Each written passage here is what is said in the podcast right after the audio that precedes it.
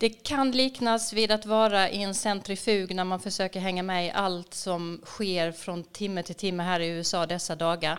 Vi befinner oss i ett exceptionellt läge till och med för det ständigt politiskt turbulenta USA, så det går helt enkelt inte att undvika att beröra frågor om den konstitutionella kris som vi ser tona upp.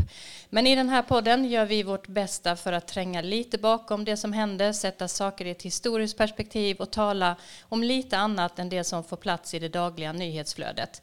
Idag sitter jag, Frida Stranne, i Selma, Alabama, Dag Blank i Rock Island, Illinois, Karin Henriksson i Stockholm och Erik Åsad hänger sig kvar i Uppsala. Välkomna att lyssna på Amerikaanalyspodden. I have a dream that one day this nation will rise up and live out the true meaning of its creed. This is a place where you can make it if you try. This is a country where anything is possible, no matter who you are. We do big things. Together, we represent the most extraordinary nation in all of history. What will we do with this moment?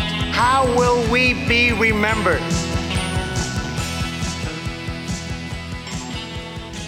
Ja, det är minst sagt stormigt runt president Trump, hotande riksrätt, hans hårt kritiserade beslut rörande Turkiet, kurderna och Syrien och hans även i Trump-mått mätt allt mer tillspetsade retorik och påhopp på olika personer. I veckan spreds dessutom en mycket osmaklig video här i USA som någon hade gjort på nätet där man kunde se hur en person med Trumps inklippta ansikte genomförde en massaker i en kyrka där olika kända meningsmotståndare till Trump fanns. Men eh, vem som hade satt samman denna film, det vet man inte. Men att Trump inte omedelbart och personligen gick ut och fördömde filmen har väckt väldigt mycket upprörda känslor, inte minst eftersom det riskerar att uppvigla illasinnande att bli våldsamma. Och sen hade vi ett möte igår i Vita huset som också spårade ur. Vi pratade redan förra avsnittet om att Trump verkar ha släppt alla spärrar i sina påhopp på media och Demokraterna. Men vad säger ni om de här gångna dagarna när det gäller hans retorik och som vi också har kunnat se på hans rally som, han har, som har dragit tiotusentals personer och supportrar? Erik? Ja, eh, jag suckar lite grann för att detta är ju vad vi har att vänta nu under det närmaste året faktiskt, dryga året till och med. Och eh, mitt intryck är väl att han blir allt mer eh, vad ska jag, vred och eh, stingslig och arg och eh, hans liksom animositet gentemot med, med motståndarna här eh, väx, växer hela tiden. Och det beror på att han helt enkelt är trängd nu och det märks. Han använder ju till och med nu väldigt skarpa ord och svordomar till och med i sina utfall mot motståndarna. Och jag tror då tyvärr att detta är vad vi har att vänta under de kommande månaderna och fram till valet. Karin, du är ju med på telefon här från, från Stockholm just nu och inte, befinner dig inte i Washington. Men det som hände igår här med eh, utfallet mot Nancy Pelosi till exempel, vad, vad säger du om det? Ja, det är ju häpnadsväckande eh, att eh, tal, talmannen Nancy Pelosi är ju faktiskt en av USAs mäktigaste personer som också då har en lång politisk karriär mycket framgångsrik bakom sig. Och Trump kallar henne för en tredje rangens politiker. Ju, när, när hon sitter mitt emot. Det är fullständigt otänkbart att det skulle ha skett tidigare med en annan president. Ser du också det här upptrappade läget och samma oro som Erik för att det här är någonting som vi kommer få se hela året som väntar? Ja, jag håller med Erik om att det, det, det är en upptrappning och uh, de här svordomarna och uh, det han sa om eh, Joe Biden, att det enda skälet till att han har lyckats bli vicepresident var för att han kysste hans, ja ni vet vad, och det är också väldigt grovt. Och det finns också exempel på att eh, den kristna högern, alltså en av hans verkliga trogna väljarskaror, att man där tar illa upp när han säger ordet God damn. Så att eh, det, det är illa. Mm. Själv är jag ju just nu på, på resa i USA och efter någon vecka i DC så har jag begett mig söderut via Tennessee först och nu i Alabama där jag befinner mig. Och det är väldigt många tankar som dyker upp när man är runt och pratar med människor så här. I hotellbaren häromkvällen så bad jag bartendern att sätta på nyheter på den stora tvn inför uppsnacket kring Demokraternas debatt. Men då lät han mig omedelbart veta att han inte helst eh, har någonting på tvn med politik. Eh, Eftersom det ofta nu mer skapar väldigt hårda känslor bland gäster. Han hade slutat med det det senaste året sa han och alla jag pratar med här oavsett var de står politiskt så är det väldigt upprörda känslor. De talar gärna om politik men det är nästan bara uppskruvade känslor man möts av när man ställer frågor. Jag eh, träffade en man i en vapenaffär utanför Dixon i Tennessee och han menade att eh, när man nu riskerar att få en kommunist i Vita huset nästa år så kommer alla han känner att verkligen gå och rösta för att se till att Trump blir återvald. En kvinna eh, som jag pratade med i Alabama ehm, eh, tidigare ehm, som säljer olika Trump-kepsar och andra dekaler sa att hennes försäljning hade ökat med 50 procent sedan den här impeachment-frågan rullade igång för några veckor sedan. Eh, och det enda hon hade hört av sina kunder är att de tycker att det är dags att ta upp kampen om Vita huset 2020 då, så, att han, så att Trump verkligen ska bli åtvald. Demokrater jag har pratat med, de är inställda på att kämpa för att de ska vinna givetvis, men de är samtidigt väldigt ängsliga över om partiet verkligen har någon kandidat som kan slå Trump. Eh, de jag har pratat med som är demokrater, de väger för och nackdelar med olika kandidater. Och de flesta verkar inte bara välja nu utifrån sin favorit utan från vilken som kandidat som har bäst chans att vinna. Men väldigt många ser eh, uppgivet på eh, att den möjligheten att slå Trump för de här kandidaterna är, är liten. Ehm, långt ifrån alla demokrater jag pratar med tycker att en riksrättsprocess är rätta vägen att gå. Många menar att eh, det kan spela Trump i händerna, att det riskerar att skapa ett svårt läge om Trump frias i den här processen och sen vinner igen 2020. Ja, det är bara några olika röster som jag har lyssnat till, som, men de återkommer till, det återkommer, eller får mig att återkomma hela tiden till det som jag funderar mycket över, den mer långsiktiga utvecklingen i USA och hur det nu skapas ytterligare konfliktytor som riskerar att bli väldigt svåra att hantera framåt. Vad kommer att ske 2024 och 2028? Eh, det kommer inte bli några lätta år framåt eftersom spänningarna här är så oerhört tydliga. Jag vet inte om du har samma eh, reflektioner Dag där du befinner dig i Rock Island. Eh, har du känt av något speciellt sedan du kom? Ja, eh, det som Erik och Karin säger här, eh, eh, jag håller helt med om det. Den här upptrappningen. Jag tror att när det gäller Donald Trump så what you see is what you get, så att säga. Han hade en, en, en playbook som man säger för valet 2016. Det är precis så han fortsätter. Han kan bara göra, göra på ett sätt. Och nu är han trängd och då trappas det upp. Och det blir bara i en, ett ännu högre ton, tonläge och vi ser det på, på alla plan. Här i Illinois, där jag befinner mig, västra Illinois, här är områden i mellanvästern som jag tror, det var ju de som avgjorde presidentvalet, inte Illinois men eh, stater som eh, Wisconsin, eh, Michigan, Ohio, delvis Iowa också. Det är, där, det är där det kan förskjutas, där rösterna kan förskjutas och det, det, det här kommer mycket slaget att stå. Vi, kan se att igår var Joe Biden här i Iowa som ligger precis över floden från oss. Idag kommer Kamala, Kamala Harris och sen i helgen har vi både Amy Klobuchar och Julian Castro som besöker oss. Så att det är högt tempo och högt tryck här nu. Och fler och fler som blir kritiska till Trump om jag hör dig rätt. Jag befinner mig just nu i, i Trump territory så att säga. Här är väldigt många som ger uttryck för att man stödjer honom fullt ut oavsett eh, vad som händer just nu. Men det är, en, det är ett annat läge om jag förstår dig rätt där du är. Ja, det här är, ett, det är slag, här är lite slagfältet alltså. De här områdena kan ju gå... Många av de här områdena hade ju röstat demokratiskt. Det finns en väldigt intressant analys om kongressdistrikt här som, allt, som hade röstat demokratiskt länge och som gick över till Trump. Och frågan är varför gjorde de det? Och kommer de stå på hans sida igen eller kommer de återvända till Demokraterna? Så jag tror att det, mycket av nyckeln ligger här i, i Mellanvästern faktiskt.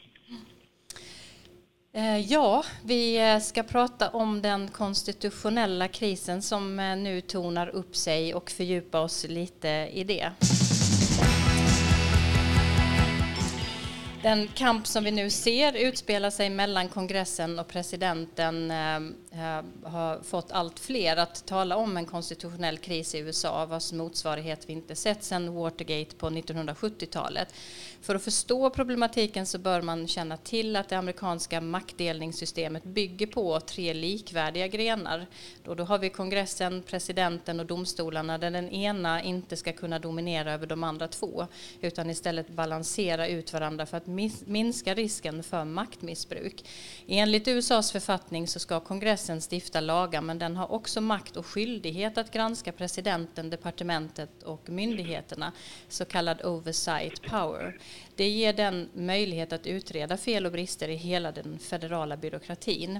Det starkaste vapnet kongressen har att tillgå är att ställa makthavare inför riksrätt och det är den processen som Demokraterna i representanthuset nu har inlett mot Trump.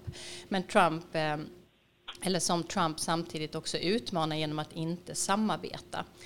Vita huset vägrade i ett brev nyligen att överhuvudtaget eh, ha något att göra med riksrättsprocessen. Kan man säga att landet därmed står inför en konstitutionell kris, Erik? Eh, ja, ordet kris det används ibland tycker jag för saker som inte förtjänar den benämningen. Överutnyttjas så att säga. Men i det här fallet så tror jag man kan säga att USA är mitt uppe i något som kan utvecklas till en stor konstitutionell kris det där Vita huset-brevet som du nämnde, det präglas mycket av politiska eh, snarare än juridiska resonemang och också av en inställning som går ut på att exekutiven, alltså presidentmakten, e-, egentligen inte erkänner kongressen eh, som en likvärdig partner. Trumps Vita hus gör inte det på samma sätt som tidigare har varit fallet. Eh, den tidigare historikern Arthur Schlesinger, han är avliden nu men han var ju mycket uppskattad på sin tid. Han skrev mycket om presidentmakten och han talade i en bok på 1970-talet om the imperial presidency. Det kejserliga presidentskapet under president Richard Nixon. Han såg flera tecken på att den var på väg att utvecklas i den riktningen och det var många av Trumps kritiker menar vi upplever just idag. Och det är just när det råder en sån här kamp eller obalans mellan grenarna som maktdelningssystemet sätts på stora prov. Demokraternas eh, motdrag hittills har ju varit att använda stämningar för att få fram dokument och att nyckelpersoner ska vittna. Och vad, men vad händer om den strategin skulle misslyckas? Kommer de då att vända sig till domstolarna för att, för att få ett avgörande?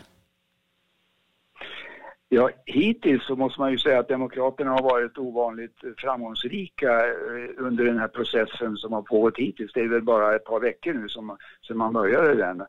Eh, att få fram till exempel olika nyckelpersoner att vittna inför, inför utskotten.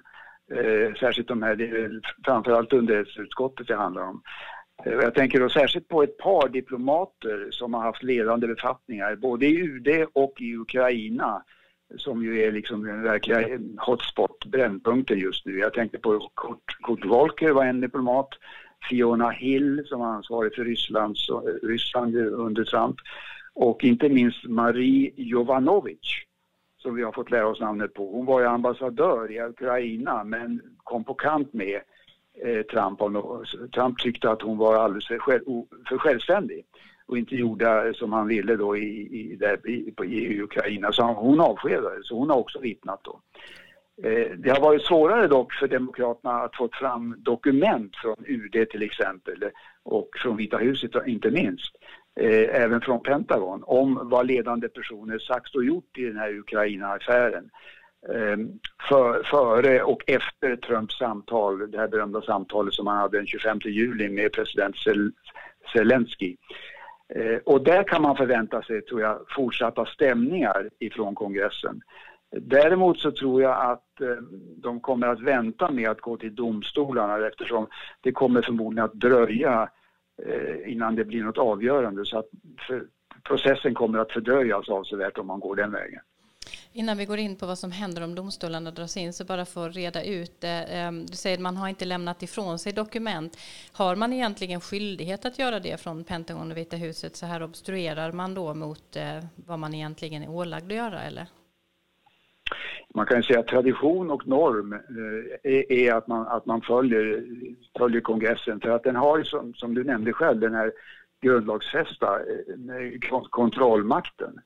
Eh, men eh, det, det, sen har man då, det har ju inträffat tidigare det här, att eh, presidentmakten har, har in, in, av, inte velat lämna de här dokumenten som har begärts från kongressen, till exempel under Nixons tid. Och då gick då kongressen till domstolen som avgjorde ärendet. Men så långt har vi inte kommit än. Nej. Men vad, vad händer då om dom, domstolarna dras in och presidenten skulle vägra att följa deras beslut? Ja, det, som jag sa så inte ens Nixon eh, använd, vägrade faktiskt att följa eh, Högsta domstolens beslut. Det här var ju 1974 då det stod på sin, sitt, sitt avgörande.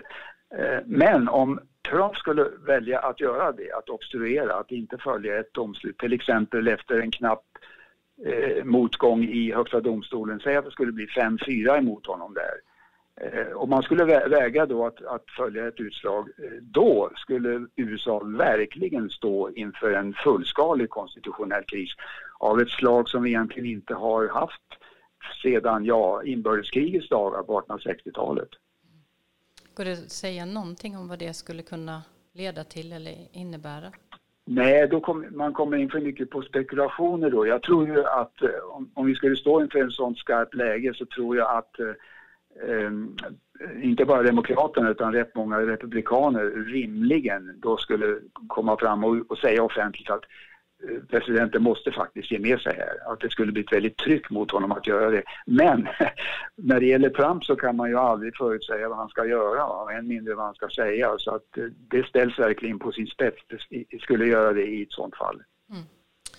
Många republikaner men också en del demokrater har ju krävt att talmannen Nancy Pelosi ska tillåta en formell omröstning i representanthuset om riksrätt. Hon har, det har ju inte skett ännu.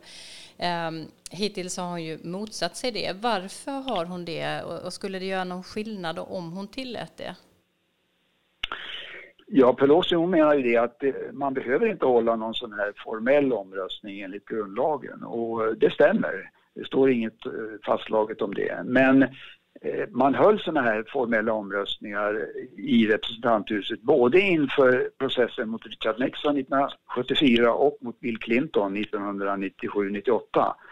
Eh, och flera demokrater har, som du nämnde där, sagt att, att de vill också att man går den vägen. Och naturligtvis driver republikanerna den linjen hårt. Eh, fast jag tror att eh, hon är nog lite taktisk där, Nancy Pelosi, att hon väntar med det. Kanske är det så som spekuleras om i pressen att hon vill inte utsätta sina egna partivänner där att, att ha en jobbig röst som det heter. Alltså, särskilt de partivännerna som kommer ifrån Trumpvänliga distrikt. Eh, att stå med den omröstningen bakom halsen när de ska till omval och anses vara lite problematiskt.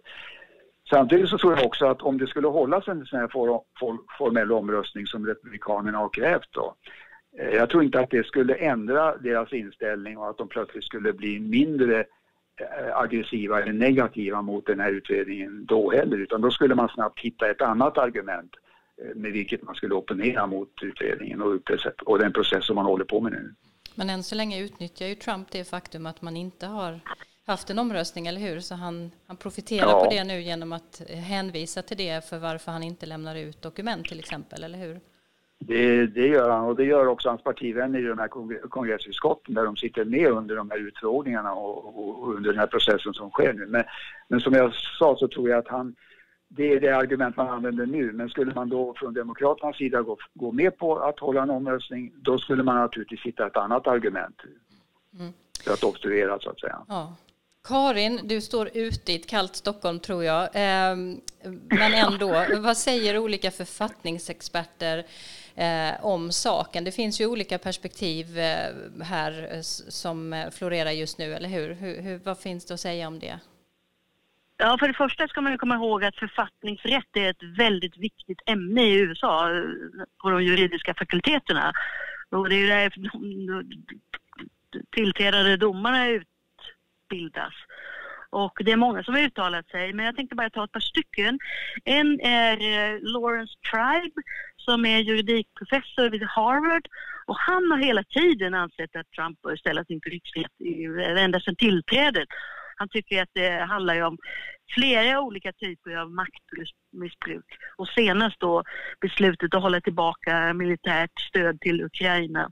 Och sen säger han också att det finns ingenting som säger att en president inte kan bli ställd inför riksrätt flera gånger.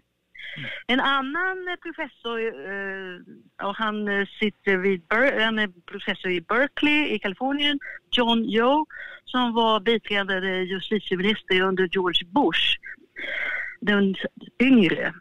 Han, säger, han, han motsätter sig eh, riksrätt. Han anser att eh, författningen ger presidenten rätt att sköta utrikespolitiken och han måste då kunna lita på att kommunikationen med främmande makt eh, sker i det tysta och inte ska kunna avslöjas utåt. Och eh, han menar också att de demokratiska presidentkandidaterna borde sluta prata om riksrätt för att det är, de har egentligen inte med saken att göra säger han utan det är ju kongressen som ska besluta, det vill säga den, de folkvalda.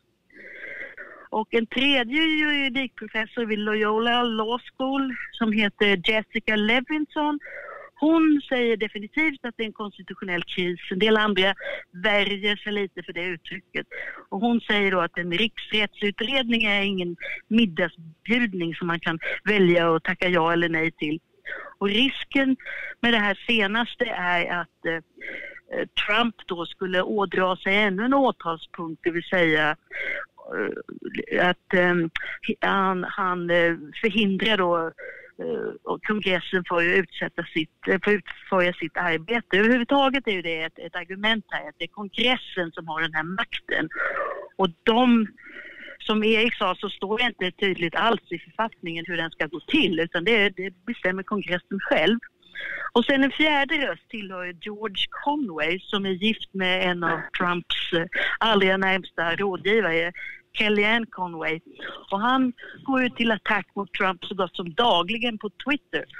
Och han sa om det här brevet på åtta sidor att det var rent amatörmässigt och att en, en förstaårselev på juridik, i juridiken skulle, skulle inte klara testet om de hade skrivit något liknande.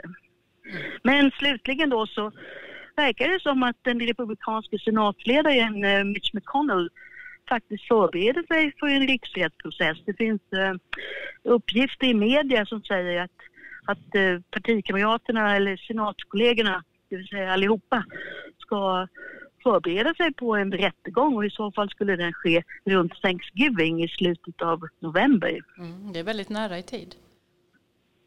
Ja, det är ju bara några veckor dit. Mm. En månad drygt. Och det är väl ett ganska snabbt förfarande men det, det ligger verkligen i Demokraternas intresse eh, om man förstår samtalen här att få, få till detta så snart som möjligt, eller hur? Ja, de vill ju göra det innan det här året är slut. Det har nog framgått. Men det kan ju kan väl vara någon taktik från McConnells sida för parallellt så så säger han att, eh, att eh, Demokraterna är ute och cyklar och han, han skriver det här ordet inquiry, alltså utredning inom citattecken för att liksom visa att de är, att de är löjliga i sin, eh, i sin jakt på Trump. Och han är ju en nyckelperson och samtidigt är det viktigt att påpeka att han representerar en delstat som är väldigt, väldigt eh, pro-Trump så att eh, han har ju det också i ryggen för han, hans eh, senatsplats är väl också uppe för omröstning till, eh, till nästa år, eller hur? Mm. Ja, ja, nej men han är ju en nyckelperson verkligen och slipad, eh, erfaren politiker. Eh, kommer Pelosi eh, att kunna hålla fast vid sin ambition som hon har haft, eh, i alla fall som jag har fångat upp under hela tiden här, att hon vill ha en smal utredning, hon vill vara fokuserad på ett par frågor bara nu, Ukraina-affären och Trumps samtal med, med presidenten. eller kommer de att tvingas här, Demokraterna, att vidga utredningen till att inkludera fler frågor allt eftersom nya avslöjande görs? Vad, vad tänker du om det, Erik? Ja, det där är en viktig fråga eftersom en större utredning, och det verkar ju gå i den riktningen nu, det kräver ju mer arbete och därmed mera tid. Eh, och det intressanta tycker jag med de här vittnesmålen som har kommit fram under senaste veckan eh, är att allt fler uppgifter eh, kommer fram som gör det svårt tror jag för, för Demokraterna att begränsa utredningen. Till exempel har det kommit fram om Rudy Giulianis roll han är ju Trumps personliga advokat och har ingen eh, särskild eller formell position i administrationen. Men trots det så verkar han ha bedrivit en slags egen utrikespolitik i Ukraina just. Och försökt få fram eh, negativ information om Joe Biden och hans eh, son Hunter.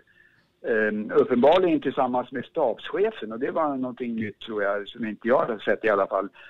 Tillsammans med stabschefen i Vita huset Mick Mulvaney som har dragits in i detta nu också. Eh, och dessutom har jag haft kontakt, eh, nära kontakter med eh, en del lokala maffialiknande personer varav två nu står inför rätta i New York för olika förseelser. Så att utredningens omfattning den avgörs av hur mycket ny information som kommer fram i offentligheten. Mm. Dag, ehm, vi har ingen ständig sekreterare i den här podden men vi har en ständig historiker. Ehm, finns Nej. det några historiska motsvarigheter som du vill lyfta som, till det vi nu upplever som är, är viktiga att, eh, att beakta här när man funderar över vad som händer just nu? Ja, det gör det. Ehm, om man talar om konstitutionella kriser och när systemet eh, ifrågasattes så skulle det fungera så att säga som vi gör nu så är det tydligaste exemplet på det är ju det amerikanska inbördeskriget. Och det är ju den enda gången då eh, det inte har fungerat, där USA kollapsade, där unionen eh, splittrades. Det var ju en sakfråga som låg i botten där, det var ju slaveriet. Och eh, det utlöstes av president Lincolns seger i presidentsvalet 1860 vilket då ledde till att eh, totalt 11 delstater utträdde ur unionen och ett inbördeskrig följde. Och den här sakfrågan den var ju olöst kan man säga från USAs grundande när konstitutionen skrevs. Man valde att inte ta upp den frågan för då hade man aldrig kunnat ena sig om en konstitution. Så, att säga. så den låg där och tickade hela tiden. Och den löstes slutligen då i inbördeskrigets utgång när nordstaterna vann. Och då hade man alltså ett utträdesprocess. Det är ganska intressant. Den första delstaten som utträdde det var South Carolina. Och South Carolina utfärdade då en deklaration där man angav skälen för sitt utträde. Mycket parallell till den amerikanska självständighetsförklaringen där man då deklarerar varför man ska säga, lämnar Storbritannien. Och där framgår precis detta att det är slaveriet som är en, en, en, nyckelfråga. Man anklagar nordstaterna för det och man talar också om att eh, delstaternas rättigheter, de individuella delstaternas rättigheter inte respekteras. Så man kan se en, en sakfråga som ligger i botten men man kan också se en konstitutionell dimension, alltså den federala principen, hur mycket makt som ska finnas i den, på den centrala federala nivån och hur mycket makt som ska finnas i delstaterna. Och där menade då South Carolina att det var delstaternas eh, som skulle bestämma huruvida slaveri skulle finnas, eh, tillåtas eller inte, vilket det var. Det varierade från delstat till delstat innan inbördeskriget. Vissa var sla tillät slaveri, vissa gjorde det inte. Men då menade man att det här var en attack mot den principen, så states rights som det, som det kallas. Och den här krisen den löstes ju då genom inbördeskriget. Och efter inbördeskriget så kom den här processen som kallas för reconstruction när unionen skulle rekonstrueras så att säga, när de här elva delstaterna skulle återföras in i unionen. Och den gjordes bland annat genom att man antog tre tillägg till författningen, tre mycket viktiga tillägg, 13, 14 och 15 författningstilläggen där då slaveriet eh, blir förbjudet i 13 tillägget och i 14 tillägget som talar om att man ska ha lika behandling och i 15 tillägget som reglerar rösträtten. Då. Så där såg man hur, hur krisen, det var den största krisen, så här, konstitutionella krisen, den löstes genom ett krig och eh, den reglerades sen genom konstitutionstillägg. Ja, är det något annat exempel vi kan ta lite kort här? Som ja, sen kan vi, vi, har ju redan, vi har ju redan nämnt här Watergate-skandalen som ett exempel. Det finns andra också, men Watergate-skandalen, det görs ju ofta referenser till den, där president Nixon då, eh, det var ju de här inbrotten i demokratiska eh, partihögkvarteret som skedde av republikanska partiet inför valet 1972. Den här skandalen briserade och Nixon nekade och ljög. Det var ju framförallt, det var inte inbrotten som sådana som var den konstitutionella krisen men det var det att presidenten ljög om, om, vad han, om sin inblandning och han försökte då förhindra Eh, utredningar och han försökte då vägra att lämna ut dokument till kongressen precis som vi talat. Den krisen blev allvarlig. En riksrättsprocess inleddes men slutfördes aldrig. Där kan man då säga att den, den enhet inom systemet som löste den krisen, den krisen löstes till skillnad från inbördeskriget som inte gick att lösa. Watergate-skandalen löstes och det var genom, framförallt genom domstolarnas roll. Vi talade om domstolarna här tidigare här. Och de har inte ännu börjat agera men, men när presidenten vägrade att lämna ut material, till exempel de här berömda bandinspelningarna som det kom fram att han hade som visade att han ljög. Eh, då var det genom Högsta domstolen ett enhälligt utslag i Högsta domstolen United States versus Richard Nixon som det heter från 1974 som tvingade presidenten att lämna ut det där. Och då, upp, då kunde man ju höra de banden och då var det klart att han hade ljugit och då avgick han. Då, liksom var, var, då löstes, löstes krisen på det sättet. Så att man kan säga att det var en kris som det systemet kunde hantera. Inte minst kan man ju säga beroende på att alla delarna i systemet följde sin roll och presidenten drog de korrekta konsekvenserna. Han skulle ha blivit avsatt i ett riksrättsförfarande. Han valde att avgå i förtid. Och de egna eh, parti kamraterna i senaten också eh, tog sin hand bort från Nixon, eller hur var en viktig del i detta? Ja, naturligtvis. Mm. Det var så att, att eh, det var en mycket uppskruvad situation och han hade ju ett stöd länge. Men när de här bevisen, de här otvetydiga bevisen kom fram så, så, så, så eroderades hans stöd i senaten. Och då gick man till honom och sa Mr President, eh, ett antal, jag tror att det var Barry Goldwater som ledde den delegationen och kom till presidenten och sa att det här kommer inte gå, ni kommer förlora en, en, en, om, en omröstning om, ni låter, om vi låter det gå hela vägen till senaten och då avgick han.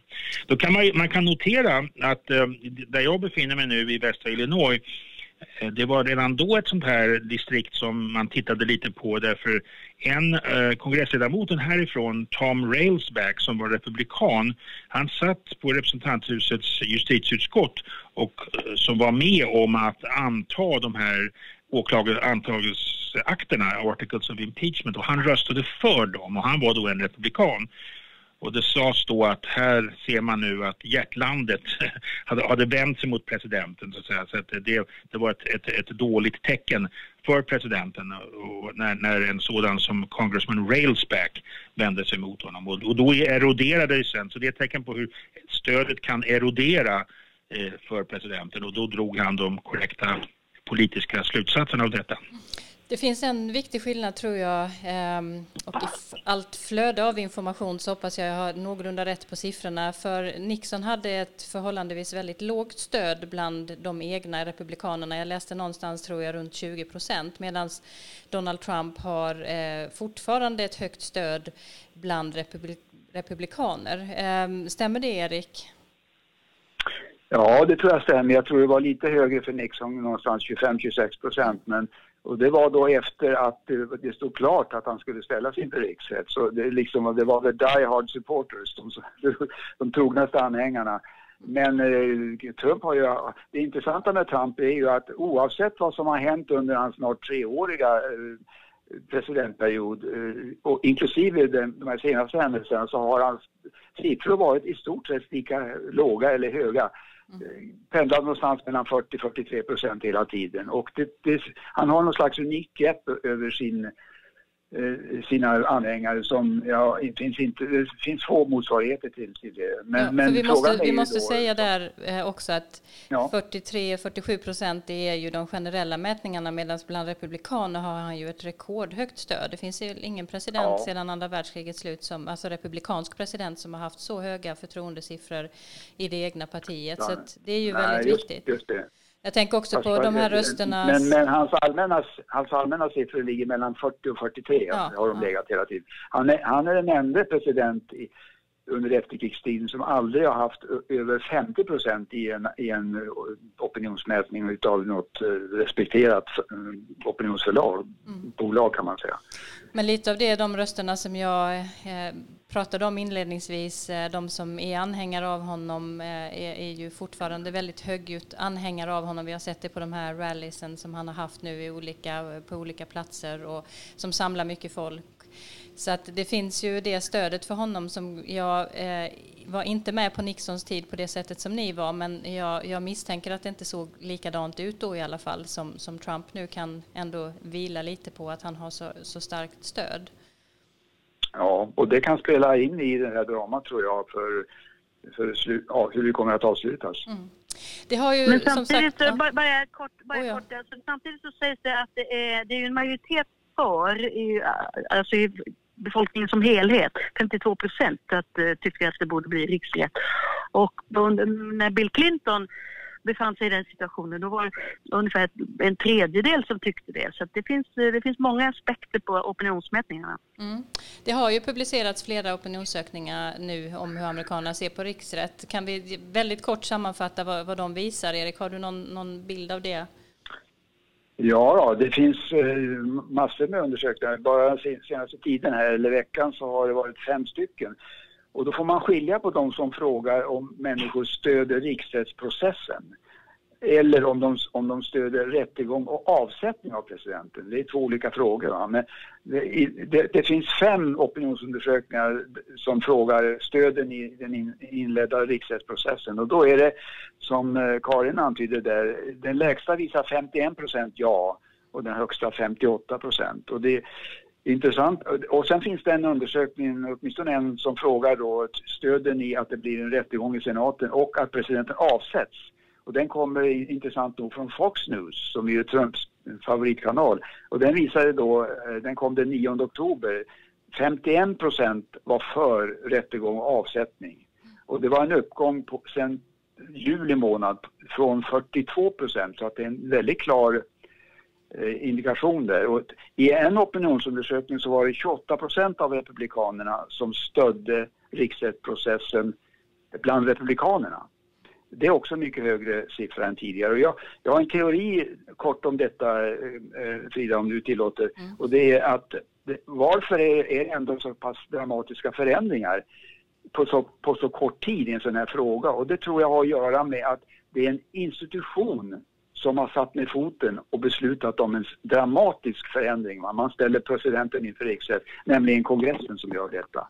Och det, det, det, det normala eh, när man kastar skit på varandra och, och, diskuterar i kongressen eller på andra håll och håller valmöten, det gör väldigt lite intryck eh, på vanliga väljare tror jag. Men när det kommer en sån här dramatisk förändring, att, att en samhäll, bärande samhällsinstitution sätter ner foten och tar ett beslut då får det också effekter. Och på samma sätt som det fick det hösten 2016 om ni kommer ihåg när FBI gick ut genom James Comey, dåvarande FBI-chefen och sa att vi har inlett en undersökning av Hillary Clintons e-mail-korrespondens. Det fick omedelbart en, effekt på hennes opinionssiffror som gick ner då. Så att den aspekten tror jag är viktig om man ska förstå den här svängningen som man nu ser i opinionen. Mm. Och sen så får man ju alltid vara ganska försiktig med opinionsmätningar, eller hur? Det kommer lite olika siffror. Eh, man har också kunnat se, tror jag, att bland oberoende så har man inte kommit över 50 procent, tror jag, i alla mätningar vad det gäller de som Nej, men man ligger nära, men inte riktigt, stämmer. Eh, och jag tror också att tidsaspekterna kan spela roll. Man vet inte om det här drar ut väldigt på tiden så vet man inte heller hur, hur opinionen reagerar på det. Eh, nu som sagt befinner jag mig i, i Trump eh, country här nere i söder men här har jag också fångat många röster som har varit väldigt upprörda över just den där frågan om man stöder inte bara en riks, riksrätt utan också att fälla honom eh, eftersom man menar att det är att föregå en juridisk process och att det visar att man är på jakt efter presidenten eller efter Trump eh, på ett orättfärdigt sätt. Eh, kan man säga någonting om det? Ehm. Eh, Erik? Ja, jag har inte så mycket att säga om det. Karin får Jag tänker mest på det här med själva uppfattningen att man, när demokrater går ut och säger att de vill avsätta presidenten, som ju flera nyckelpersoner också har gjort, så, så skapar det en frustration över att man tycker att man därmed föregår den här rättsliga processen som det, som det innebär med en, ett, en riksrättsprocess. Är det inte mer att det där svaret på den frågan beror nog lite på var man står själv? Mm, absolut. Men att det kan skapa väldigt mycket negativa känslor bland de som är Trump-anhängare och också mobilisera deras stöd att eh, gå ut och, och rösta och, och så vidare Ja, nästa år? absolut, absolut. Och, och det kommer ju att handla om det också nästa år, eh, vem som eh, känner mest, för vem som är argast eller vem som är gladast. Och, och, det är ju det spelet, det har vi kanske nämnt någon tidigare podd, att det här är ju inte solklart att Demokraterna vinner på detta. Nej. Nej. Det, det är ju ett vågspel för dem. Ja. Absolut. Ja, ni har gett eh, jättemycket viktiga perspektiv och kunskaper eh, kring det här med eh, vad det är för någonting som vi ser utspelas i Washington just nu, kampen mellan Vita huset och kongressen. Nu går vi vidare i podden. Det har varit en debatt i veckan också där eh, mellandemokratiska kandidaterna och Warren hade inför den nu tagit ledningen i, i olika opinionsmätningar. Eh, Biden är pressad av republikanernas anklagelse mot hans sons förehavande i Ukraina när han var vicepresident och Sanders var precis tillbaka från en hjärtinfarkt som har rest många frågor om hans ålder och hälsa. Eh, Kamala Harris, Pete Buttigieg och Cory Booker har fortfarande en lång väg att eh, gå för att göra upp i toppstriden. Och i tisdags då så hölls den fjärde debatten mellan de tolv kandidater som nu är kvar. Um, som jag nämnde inledningsvis också så är demokrater jag har pratat med här i USA faktiskt utan undantag ängsliga för att uh, partiet inte har någon riktigt stark kandidat att sätta upp mot Trump. De som gillar Biden menar att eh, de är rädda att han gör en för svag kampanj. De som gillar Warren är rädda att hon är, går för långt vänsterut för att kunna attrahera i breda led. Det finns jättemycket att säga om kandidaterna och vad som kan avgöra utgången av vem som kommer att bli deras kandidat. Men om vi börjar med våra allmänna intryck av debatten. Hur, hur tyckte du att debatten var, Dag? Ja, jag tyckte att eh, det var väldigt tydligt att det var Elizabeth Warren som anses vara the frontrunner som man säger och mycket kritik riktades mot henne, många attacker mot henne. Hon fick försvara sig mycket. Hon försvarade sig ganska bra men de andra så att säga, gav sig på henne. Karin, såg du den? Ja, Ja, alltså jag håller med Dag att så är det ju och det har ju, alla har ju dragit den slutsatsen men, men i hennes fall så kommer det ju handla nu då framöver liksom ett annat nyckelord nämligen electability och det här, hon, hon har ju redan en fiende på mäktigt håll, det vill säga Wall Street och hon utmålas som en socialist som bara vill höja skatterna. Men det roliga, höll jag på att säga, eller det intressanta är att eh, de här nya demokraterna, radikala demokraterna i kongressen, Ilhan Omar och uh, Alexandria um, Ocasio-Cortez, de har meddelat att de kommer ställa sig bakom Bernie Sanders i, uh, i, i, valet och det kanske då gör att uh, Elizabeth Warren framstår mer som en mittendemokrat än vad hon gjorde tidigare. Eh, och Bernie Sanders, eh, enligt eh, allas bedömningar här i alla fall, gjorde väldigt bra ifrån sig. Han imponerade på många att vara på scen i tre timmar och ha den energin han hade trots sin, sin nyliga hjärtinfarkt. Så det blir intressant att se om han kan komma tillbaka och, och hämta sig lite också i opinionsmätningarna. Har, har, har du sett ehm, debatten, Erik? Har du något annat intryck som, av vad som hände den här kvällen? Eh, ja då, jag tittade och jag, min huvudsynpunkt, höll jag på att säga, det, det var att det, det, det, var väldigt långt och det var väldigt många kandidater på scenen. Allt för många tycker jag. Man borde ha hittat något annat sätt att eh, ha liksom lite högre gränser för de medverkande, för det blir ju inte mycket sagt. Men jag håller med om vad som sagts där om att eh, här, den här debatten visade ju verkligen att eh, Elizabeth Warren har, det är liksom hon som är Eh, frontfiguren på något sätt nu och Biden hamnade ju i bakgrunden och, och eh, sen tyckte jag väl att eh, två andra med mittenkandidater där, och Pete Buttigieg och um, Amy Klobuchar uh, visade framfötterna på ett sätt som de inte riktigt har gjort tidigare. Så det var intressant att se.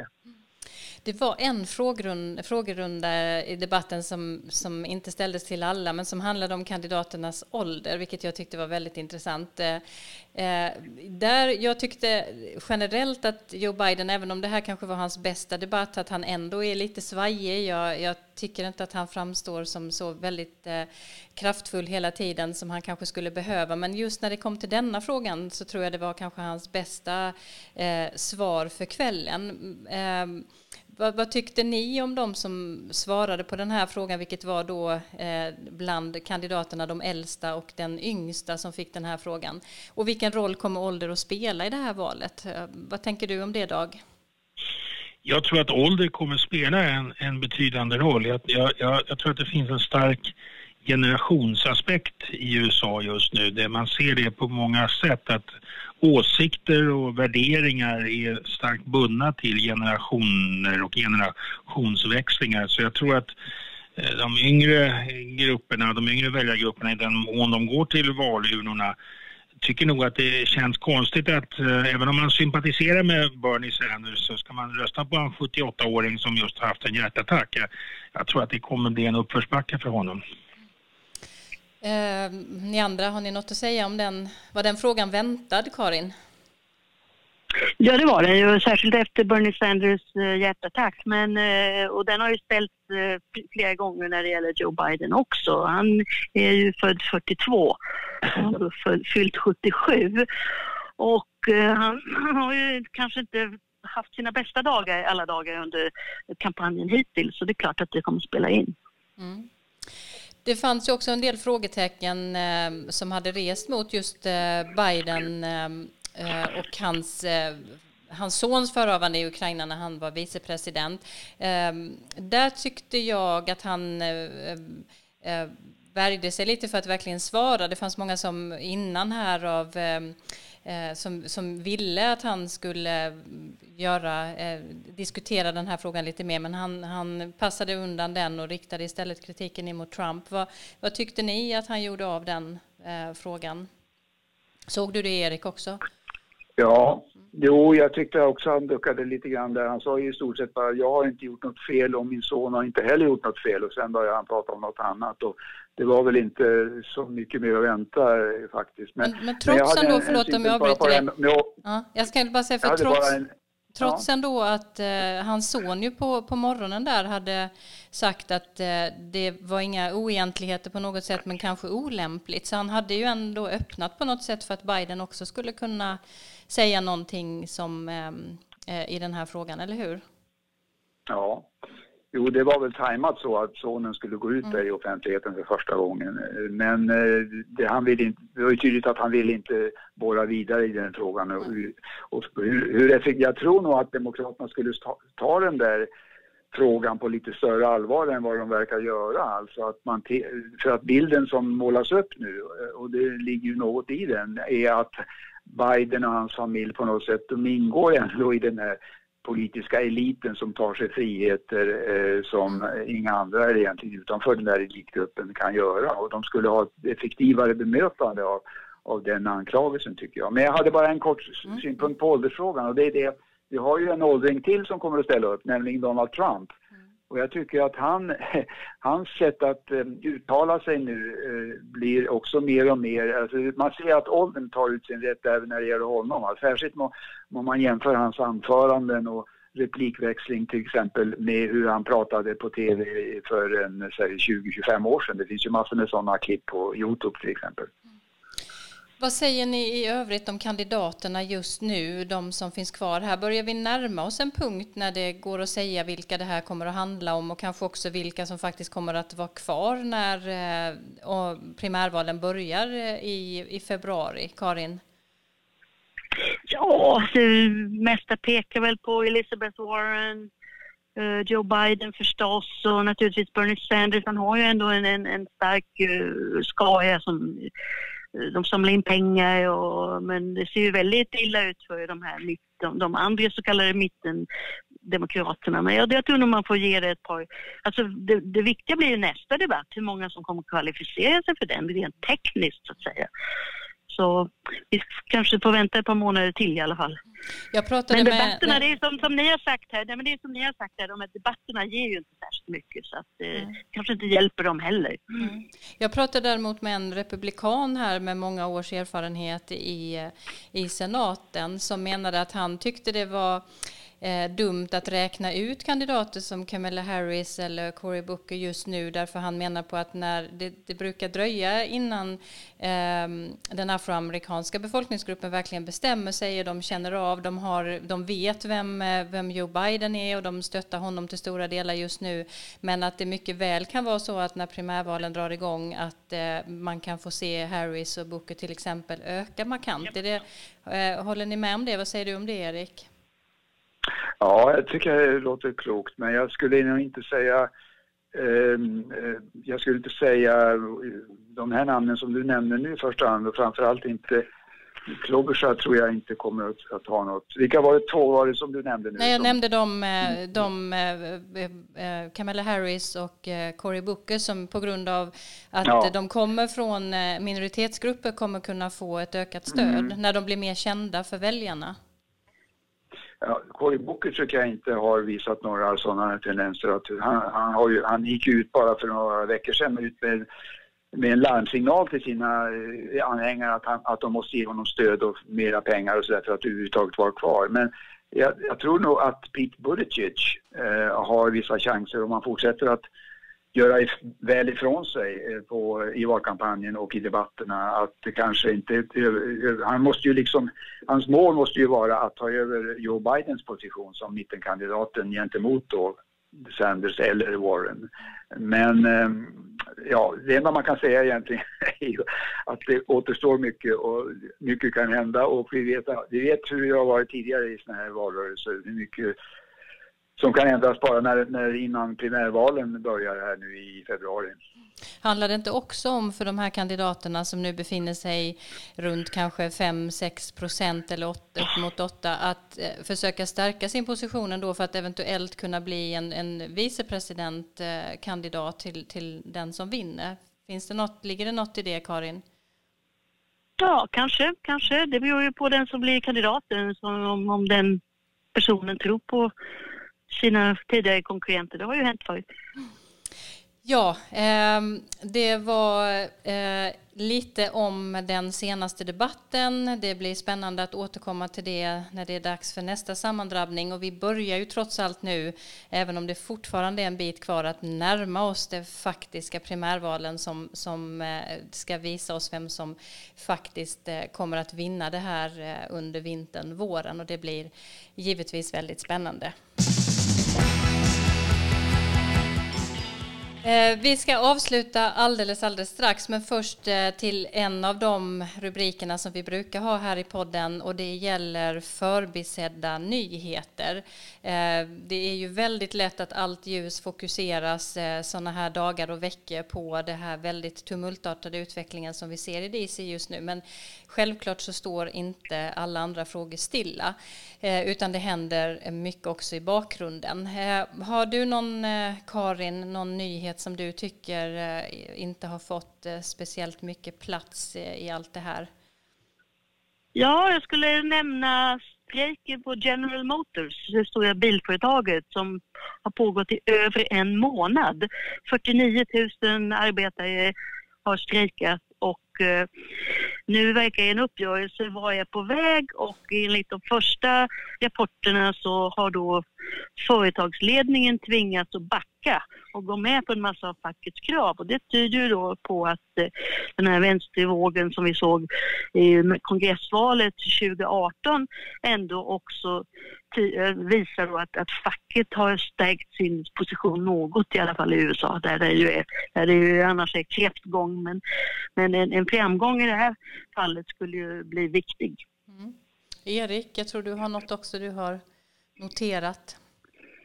Ja, det är, är nyheter som var ganska nedtonad men som jag tyckte var intressant och det är att Kamala Harris, en av demokratiska kandidaterna här nu hon föreslog eh, nyligen att eh, hon vill ha ett skattefinansierat eh, föräldraförsäkringssystem som hon ska, tycker hon ska införas, som ska gälla då på sex månader så att man kanske kan stanna hemma med med sitt barn på betald tid. Eller man kan också vara, ha personliga problem när det gäller eh, någon sjukdom eller så eller man kan ha varit utsatt för våld eller våldtäkt. Så att det gäller inte bara barnpassning som det tidigare talas om när det gäller föräldraförsäkringen. Eh, och det där har hon, hon föreslog tidigare tre månader men nu har hon liksom dubblat det budet. Och det intressanta med det här tycker jag är, det är kanske inte i första hand förslaget för det är ju vad hon har varit inne på tidigare utan det är att det har kommit fullständigt bort i debatten. Va? Och var, varför det? Jo, det beror på att riksrättsfrågan suger ut allt utav syre som finns just nu i nyhetsförmedlingen. Så att eh, den här formen utav sakpolitiska nyheter får inte plats längre. Och det är en sak som jag tror Demokraterna måste tänka på här framöver. Hur mycket ska de driva riksrättsfrågan och hur mycket ska man satsa på de här gamla sakfrågorna som man vet att deras egna väljare är intresserade av att få lösningar på, framförallt sjuk och hälsovårdsfrågan. Det blir en utmaning minst sagt. Dag, jag vet inte om du har någon just förbisedd nyhet, men har du någon annan reflektion från där du befinner dig just nu?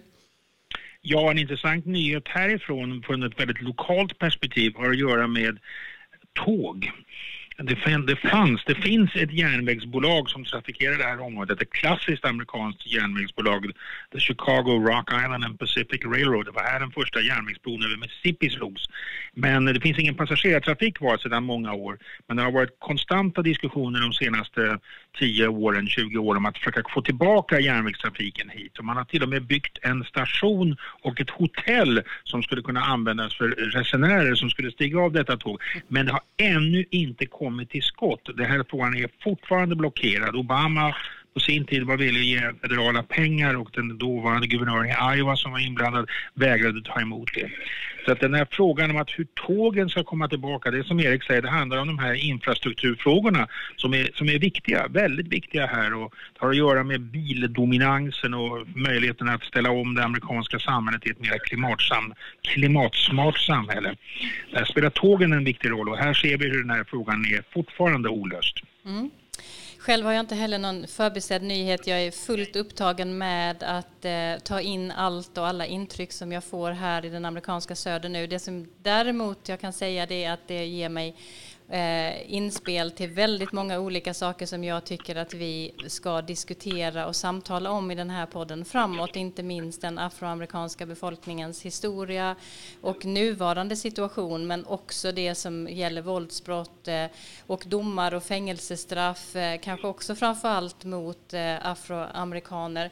Men den mest chockerande nyheten för mig här som jag har lärt mig är att det finns 95 000 barn i amerikanska fängelser som sitter fängslade tillsammans med vuxna och 3 000 barn som sitter fängslade på livstid. Det finns inget annat land i världen än USA som fängslar barn på livstid utan möjlighet till omprövning av sitt straff, vilket jag tycker har varit häpnadsväckande. Eh, att eh, få lite mer kunskap om. Ehm, så att vi har väldigt många ämnen att återkomma till i den här podden. Ehm, vi har spelat in vårt första, eh, vår första sändning utanför studion i Halmstad och klarat det här alldeles utmärkt hoppas jag, även utan Johan Lindström som brukar stötta oss hemifrån. Eh, men, och där vi har inte hunnit med eh, våra återkommande avsnitt om veckans historia, veckans Trump, men det kommer vi att eh, eh hänga på igen till, till nästa gång. Ehm, men nu vet vi i alla fall att vi kan spela in på lite olika platser, vilket är bra inför nästa år då vi kommer att röra på oss en hel del allihopa.